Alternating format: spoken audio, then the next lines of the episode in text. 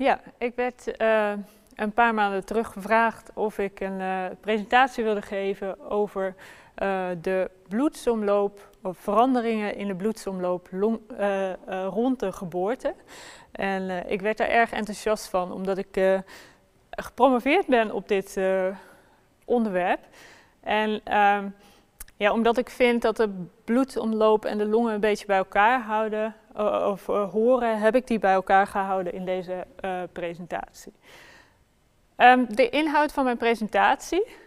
Eerst komt er een algemeen gedeelte waarbij ik gewoon ga laten zien wat zijn de verschillen tussen de volwassen en de feutale bloedsomloop. wat begrippen uitleggen en wat er gebeurt in de bloedsomloop rond de geboorte.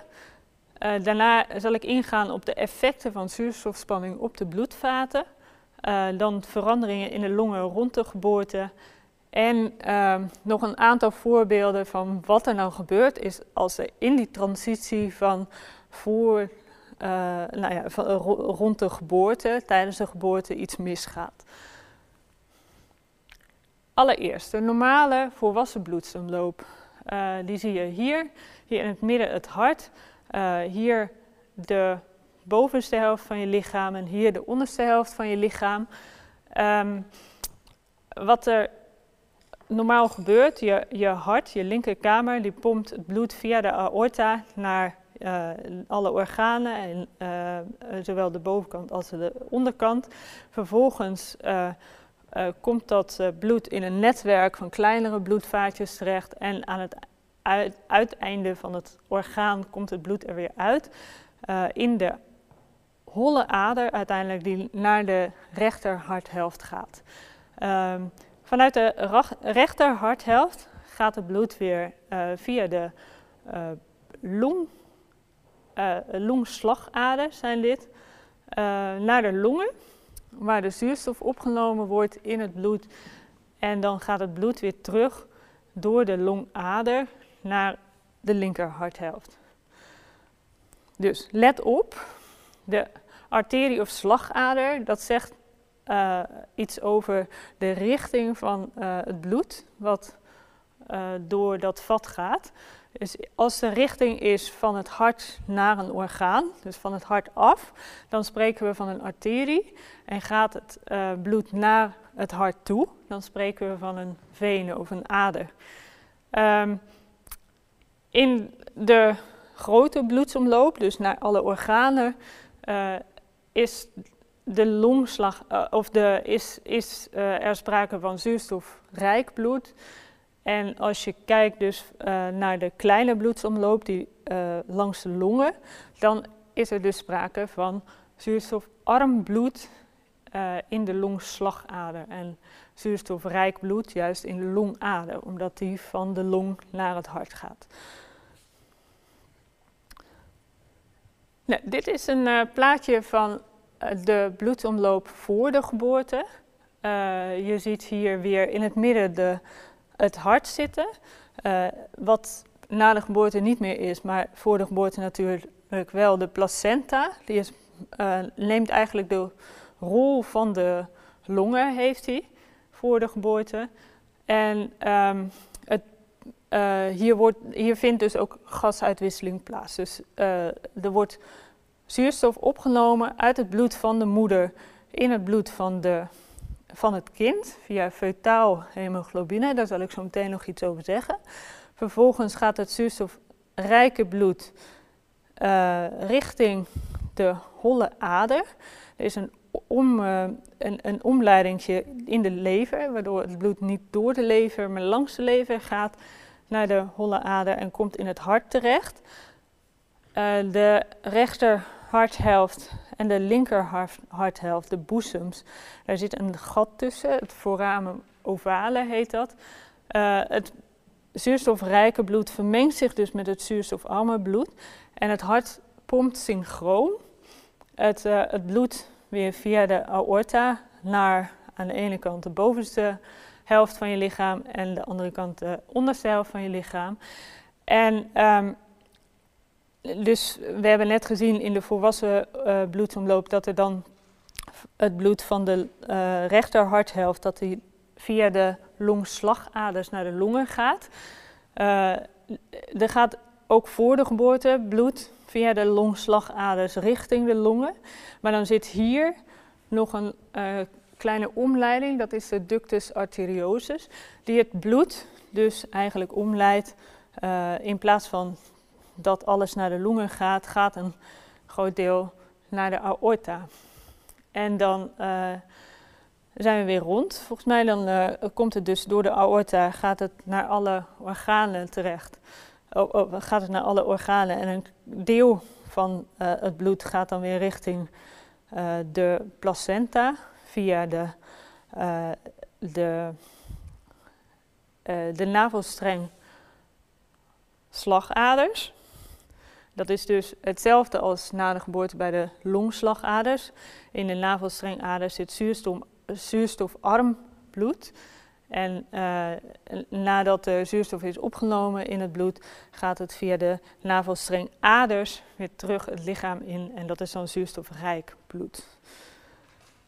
Nou, ik had het net al even over feutaal hemoglobine. Uh, ik, ik, vond het wel interessant om te vertellen. Uh, hemoglobine zit uh, in je rode bloedcellen. Die zie je hier. Dit is een, een bloedvat. en in je rode bloedcel zit een molecuul, dat is het hemoglobine. En die heeft, twee, of heeft vier plekken waar zuurstof kan binden. En um, dat, dat als het volledig uh, bezet is, al die plekken, dan, heb je, dan spreek je dus van een saturatie van 100%. Dan is, oh, zijn 100% van de plekken bezet met zuurstof. Uh, dat is het geval in dus arterieel bloed, dus bloed in je slagader.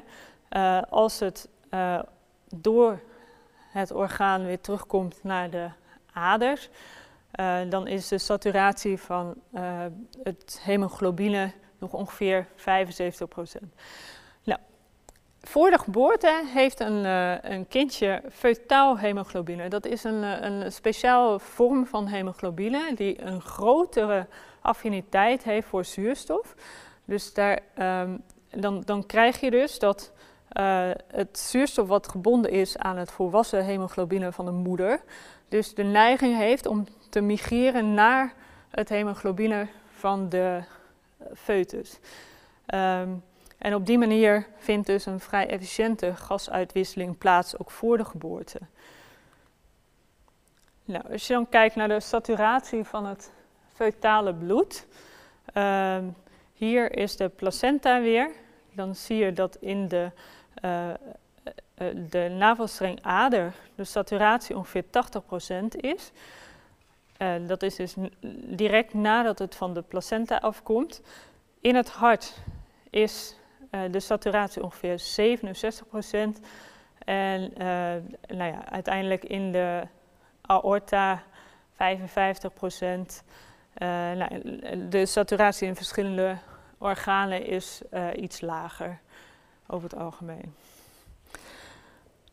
Um, voor het volgende gedeelte is het belangrijk om even wat te weten over zuurstofspanning. Uh, zuurstofspanning wordt ook wel partiële zuurstofdruk genoemd, de PO2. Um, ehm, nou, om een beetje een, gevoel te geven van wat dat dan betekent. Uh, wij zitten hier op uh, zeeniveau, dat is hier. Dan is de partiële druk of de zuurstofspanning 150 mm kwik. Um, als je gaat bergbeklimmen, dan op de Kilimanjaro bijvoorbeeld op ongeveer 6000 meter hoogte, dan is de zuurstofspanning nog maar iets van 80 mm kwik. Dat is ongeveer de helft van wat je gewend bent.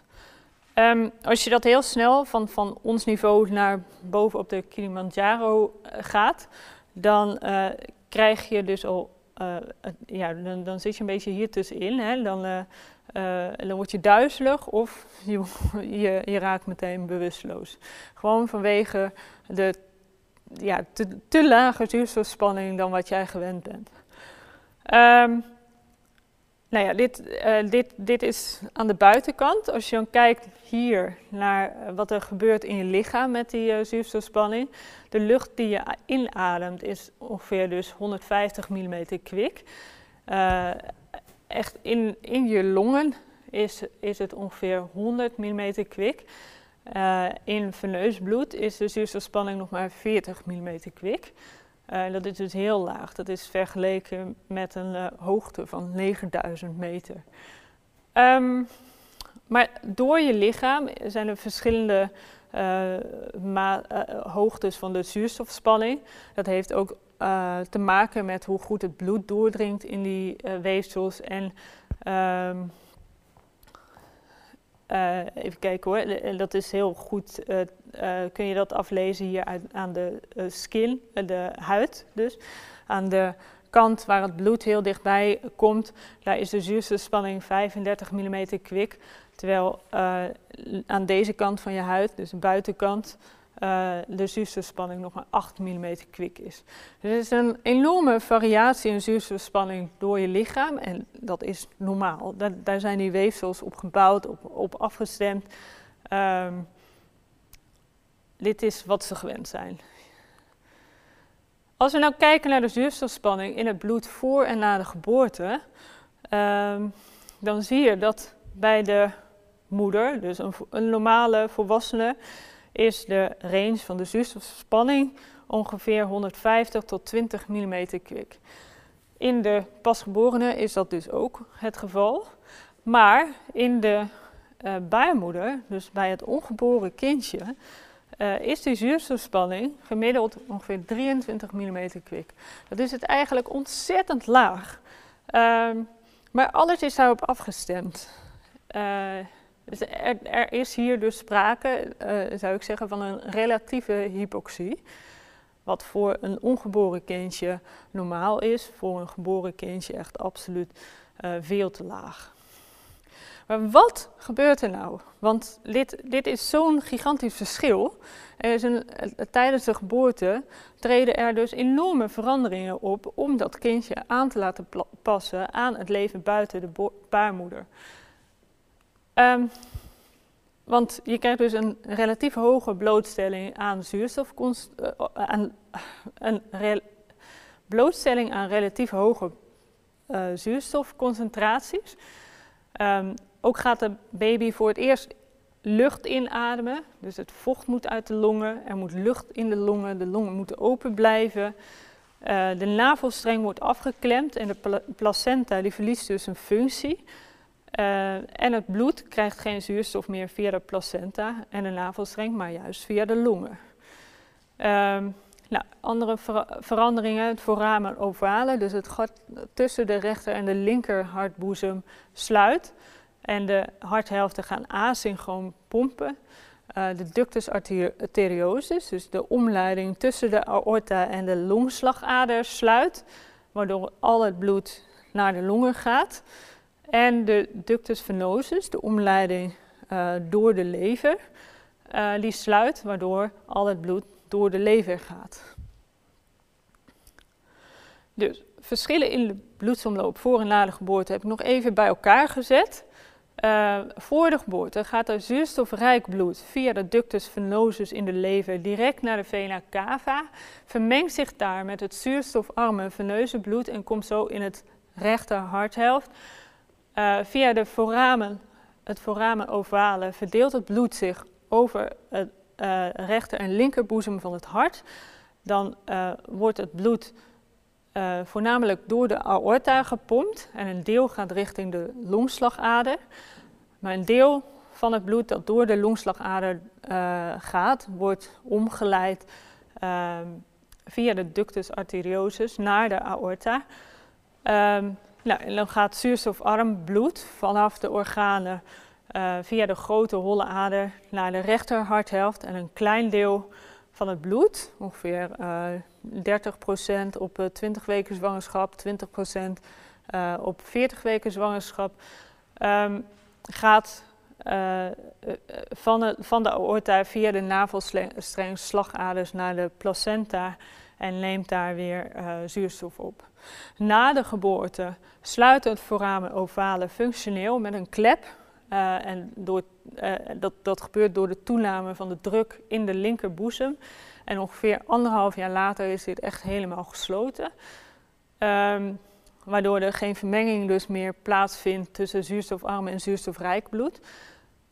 De harthelften pompen dus na elkaar, asynchroon.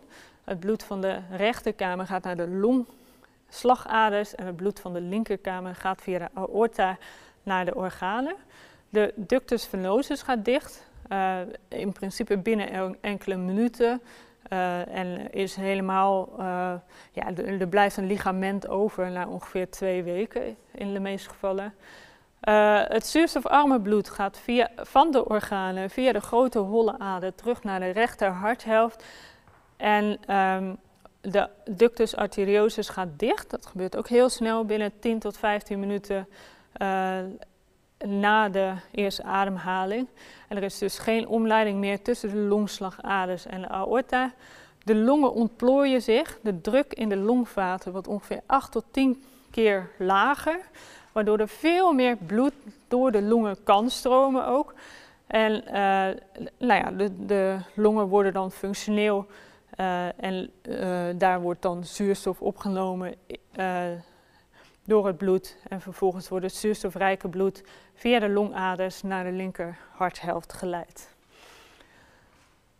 Nou, um, omdat er zo'n enorme overgang is van een relatieve lage zuurstofspanning voor de geboorte naar een relatief hoge zuurstofspanning direct na de geboorte, um, heb ik onder andere tijdens mijn onderzoek gekeken naar wat dan de effecten van zuurstofspanning zijn op die uh, bloedvaten. Nou, dat kun je heel mooi uh, meten. Bloedvaten zijn geen, uh, niet maar buisjes waar bloed door geleid worden, maar die kunnen contraheren, dus kleiner worden in diameter, en dilateren, is groter worden in diameter. Uh, en dat zie je hier heel mooi. Dit is een, uh, hier zie je een uh, bloedvat. Dit zijn de vaatwanden. Ehm, dit is dus een, een, doorsnee eigenlijk. En dan zie je dat dit het lumen, dit is het gedeelte waar het bloed doorheen stroomt. Um, als je dan hier kijkt, hier, hier zie je de diameter in micrometers. En hier is de tijd. wat, wat hier gedaan is, dit, dit is niet van mijn eigen onderzoek. Um, maar wat hier is gedaan, dit is de basisdiameter uh, uh, van, van dit bloedvat. Uh, daar hebben ze een stofje bij gedaan, die zorgt voor contractie van zo'n bloedvat. dat zie je dan hier, de diameter wordt kleiner en dat kun je dan ook heel mooi meten. Dat, hier zie je dat in die grafiek ook, de diameter wordt kleiner dan.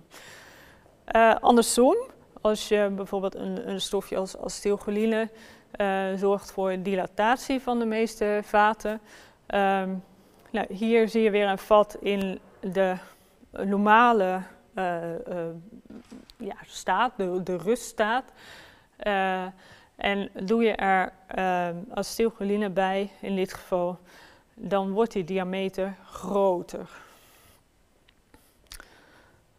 Zo, ja, eigenlijk alle vaten kunnen dit. Uh, ook, ook, de zogenaamde geleidende vaten als een uh, aorta uh, kunnen ook in diameter variëren. dit is wel handig omdat dat ook een effect heeft op de bloeddruk. Ehm, bloeddruk is eigenlijk de druk van het bloed op de wand van de bloedvaten. dat zie je dus hier. Echt, hoe meer bloed, hoe groter die bloeddruk. En die valt dus te regelen als je dus de, uh, de, het vat eh, in diameter groter maakt. Dan uh, kun je dus die bloeddruk ver, verlagen als dat nodig is. Of bijvoorbeeld als, het, als de druk minder wordt, dan kan door een, een, stofje dat vrijkomt het bloedvaat weer kleiner worden in diameter, waardoor de bloeddruk relatief stabiel gehouden kan worden. Um, de bloeddruk wordt naast dus die uh, contractie en dilatatie van vaten ook bepaald door uh, het oppervlak van het, van het vat. Bij de aorta heb je één vat met een relatief grote oppervlakte, maar uh, vertakt zich uiteindelijk, waardoor het oppervlak van de bloedvaten bij elkaar en, en de diameter uiteindelijk bij elkaar veel groter wordt. Dat zie je hier ook. Bij de haarvaten is de grootste oppervlakte en vervolgens uh, komen die uiteindelijk weer samen in de holle ader, waar het oppervlakte weer ongeveer gelijk is met dat van de aorta. Als je dan kijkt naar de stroomsnelheid, dan zie je ook dat als de, het uh, oppervlakte van zo'n vat relatief uh, laag, uh, ja, relatief laag is, dan heb je een relatief grote stroomsnelheid. Bij die haarvaatjes dan is de diameter enorm. Dan is er een hele lage stroomsnelheid en dan terug bij de holle ader gaat de uh, stroomsnelheid weer omhoog. Um, nou, dat is ook te illustreren in dit plaatje. Een, uh, een grote tuinslang met een grote diameter en een tuinslang met een hele kleine diameter. Uh, nou, hier zie je heel duidelijk met een kleine diameter heb je een hoge bloeddruk, een grote stroomsnelheid. Heb je de grote tuinslang met een grote diameter, dan heb je weinig bloeddruk en weinig stroomsnelheid. Nou, wat, je, um, wat, wat ik heel veel heb gedaan is uh, stukjes bloedvat isoleren en uh, monteren in een orgaanbadje. Dat zie je hier, dit is de, de opstelling. Uh, en als je dan hier inzoomt, dan zie je dit. En hier zit een stukje bloedvat van ongeveer 2 mm groot gemonteerd tussen twee draadjes. Um, en die breng je dan eh, heel, uh, heel voorzichtig op, uh, op een basisspanning, waardoor je dus kan meten hoe een bloedvat reageert op allerlei stofjes die erbij doet, of op bijvoorbeeld verschillende zuurstofspanningen. Um, nou, dat ziet er dan zo uit. Hier heb je dan de tijd en hier zie je de spanning die op dat vat staat. Uh, als je hier een uh, middel bij doet waardoor zo'n vat contraheert, dan wordt de spanning op het vat dus groter. Was je dat weer uit, uit het orgaanbadje, dan gaat hij weer terug naar de basisspanning. En zo kun je dus curves maken, ook door een, dit noem je dan heel mooi een precontractie van het vat. En dan een, uh, een stofje erbij die zorgt voor dilatatie van het vat. Kun je stofjes erbij doen, waardoor je een soort van curve krijgt en uiteindelijk weer terugkomt bij de basisspanning. En dit, is dan een, dit zegt iets over uh, ja, mechanismen die in dat bloedvat een rol spelen uh, bij contractie, dilatatie. Nou, dus we dan gaan kijken naar hypoxie en normoxie, dus normale zuurstofspanning en een lage zuurstofspanning. Um, bij verschillende bloedvaatjes, dan uh, zie je het volgende. Um, dit is weer zo'n curve. Uh, hier, dit is van een uh, ductus arteriosus. En dit is van een longslagader. Uh, en um, als je die dus monteert in zo'n orgaanbadje, dan zie je dat bij een normoxie is, dit de basisspanning van de ductus arteriosus. Dus als je hypoxie geeft, nee, ik zeg het fout. Dit is normoxie, die geeft een contractie dus. Het bloedvat wordt kleiner bij normoxie en bij hypoxie dilateert hij. En andersom is het bij de longslagader. Als je hier hypoxie uh, geeft, dus de zuurstofspanning naar beneden brengt, dan uh, geeft de longslagader een contractie en bij normoxie geeft hij een relaxatie. Nou, ik heb een, een overzicht gemaakt van de fetale bloedvaten, uh, de respons op hypoxie en normoxie. Uh, wat we dus hebben gezien is dat uh, de ductus arteriosus constrictie geeft bij normoxie en relaxatie bij hypoxie. Dus in de foetus, bij een lage zuurstofspanning, blijft de ductus arteriosus open vanwege de lage zuurstofspanning en leidt een groot deel van het bloed dus van de slag, longslagader naar de aorta. Bij de pasgeboren baby, wanneer de, de zuurstofspanning enorm omhoog gaat, normale zuurstofspanning, gaat de ductus arteriosus in contractie en sluit vervolgens helemaal. Ehm, bij de longslagader zie je dat je een constrictie uh, krijgt bij hypoxie en relaxatie bij normoxie. In de foetus is dus die lage zuurstofspanning, zijn de longslagaders in contractie, waardoor er weinig bloed door de lungen gaat en het merendeel dus via de aorta uh, uh, door het lichaam stroomt. In de pasgeboren baby, als de zuurstofspanning dus enorm omhoog gaat, verwijden de longslagaders en stroomt er ineens veel meer bloed door de longen. De navelstrengslagaders uh, uh, die geven juist constrictie bij normoxie en relaxatie bij hypoxie. In de foetus, met lage zuurstofspanning dus, blijven de navelstrengslagaders open en gaat ongeveer 30% dus van het bloed uh, bij 20 weken zwangerschap en 20% bij 40 weken zwangerschap naar de placenta toe. In de pasgeboren baby, bij een normale zuurstofspanning, gaan de navelstrengslagaders in contractie, waardoor er nog maar weinig bloed naar de placenta gaat. De navelstrengader die blijft juist open bij normoxie. Die is al open bij een foetus, uh, bij de relatief lage uh, zuurstofspanning. Um, maar die blijft dus open onder een normale zuurstofspanning. En uh, daardoor krijgt de baby uh, vlak na de geboorte nog een laatste bloedtransfusie. En het is al uh, aangetoond dat daardoor uh, de pasgeboren baby een betere hartslag krijgt en een betere bloeddruk. Gewoon doordat hij nog een beetje extra bloed krijgt van de placenta. Um, en ik ben hier heb ik bewust de ductus venosus niet meegenomen, maar die reageert ongeveer hetzelfde als de ductus arteriosus. Dus die uh, blijft open onder hypoxie en uh, gaat dicht bij normoxie. Nou, wat verandert er in de longen rond de geboorte? dit zijn gezonde longen. hier zie je de luchtpijp, die vertakt zich in bronchiën. Uiteindelijk uh, voor, ja, zijn dat zulke kleine vertakjes, dan noemen we dat de bronchiolen. En uiteindelijk worden dat de alveoli, de longblaasjes. als je dan inzoomt op de longblaasjes, dan zie je hier het longblaasje en hier omheen een, een één cel dik bloedvaatje, dus echt een haarvaatje. En um, ook het longblaasje is maar één cel dik. Dus hier is een makkelijke uh, uitwisseling van gas. Um, maar wat ook heel belangrijk is voor zo'n longblaasje om open te blijven, is dit laagje. Dit is het surfactant.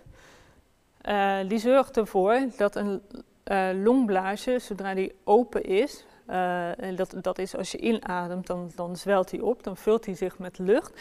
Bij uitademing dan gaat het lucht er weer uit en heeft het longblaasje de neiging om dicht te klappen. En dit laagje zorgt ervoor dat dat niet gebeurt. Uh, als we daarop inzoomen, dan, dan, zie je ook dat dit laagje bestaat uit allerlei uh, eiwitten, uh, surfactant eiwitten noemen we die, en fosfolipiden. Deze fosfolipiden vormen hier een laagje tussen het, ja, de vloeistof hier en de lucht. Uh, de, in de vloeistof zitten de hydrofiele uh, uh, staarten van de fosfolipiden en de kop die steekt in het luchtgedeelte. En eigenlijk doordat die over de hele beleiding van het longblaasje zitten, zorgt dat ervoor dat de oppervlaktespanning van zo'n longblaasje vermindert en de longen dus minder snel dichtklappen bij uitademing. Nou, de longen uh, hebben behoorlijk wat tijd nodig om echt volledig te ontwikkelen uh, voor de geboorte. In de embryonale fase dan heb je echt de vorming van de eerste longknoppen en je krijgt de differentiatie, dus de, de, uh, ja, de vorming eigenlijk van de luchtpijp en de bronchiën. Uh, tussen week 7 en 17 dan krijg je de vorming van de geleidende luchtwegen, dus de luchtpijp en de bronchiën. de terminale bronchiolen, dus die kleine vertakkingen van de bronchiën ontstaan. En ook een neuraal netwerk, dus zenuwen en de eerste longcellen ontstaan. Vervolgens tussen week 17 en 27 van de zwangerschap heb je de caniculaire fase. Uh, hier wordt de longperiferie, dus echt de uiteinde van de longen, uh, uh, begint zich te vormen. en, en dit is ook de fase waar die longvaten rond de uiteinden ontstaan. en daarnaast ontstaan het tweede type longcellen. En de, uh, ja, doordat die longvaten ontstaan in de buurt van de uh, uiteinden van de longen, krijg je dus de eerste vorming van die lucht-bloedkoppeling die nodig is voor de uiteindelijke gasuitwisseling. Nou, in week 27 tot 36 uh, van de zwangerschap krijg je dus de, de vorming van uh, ja, een soort van longzakjes, waar uiteindelijk dus die alveoli nog uit ontstaan. En de eerste surfactant, dus dat laagje dat nodig is voor die oppervlaktespanningverlaging uh, wordt voor het eerst meetbaar in het vruchtwater. En dan uh, pas vanaf week 36 tot, nou ja, tot je kind 10 jaar is, uh, minstens, zie je de vorming van longblaasjes. Dus het oppervlakte van al die longblaasjes en dus die, de oppervlakte voor gasuitwisseling wordt steeds groter. Nou ja, dat. Um, dus bij de eerste ademhaling gebeurt er ook nogal eens wat. Uh, uh, vloeistof wordt uit de longen geperst tijdens de geboorte. Uh, hormonen die vrijkomen uh, bij weeën en, en rond de geboorte, die stimuleren ook de opname van vocht uit de longen naar het bloed. die hormonen zorgen ook voor uh, vermindering van de aanmaak van vocht in de longen. Alles om, het, om die longen voor te bereiden op die gasuitwisseling. Uh, de longvaten die verwijden dus. Uh, de ductus arteriosus gaat dicht. Het bloed stroomt daardoor rijkelijk en gemakkelijk naar de longen, waardoor dus die gasuitwisseling plaats kan vinden. Verder heb je een uitbarsting van surfactant, dat vrijkomt uit nou ja, type 2 longcellen, waardoor dus die longen ook open blijven, ook bij de uitademing. Uh, de longen ontplooien zich ook, waardoor dus die gasuitwisseling uh, plaats kan vinden.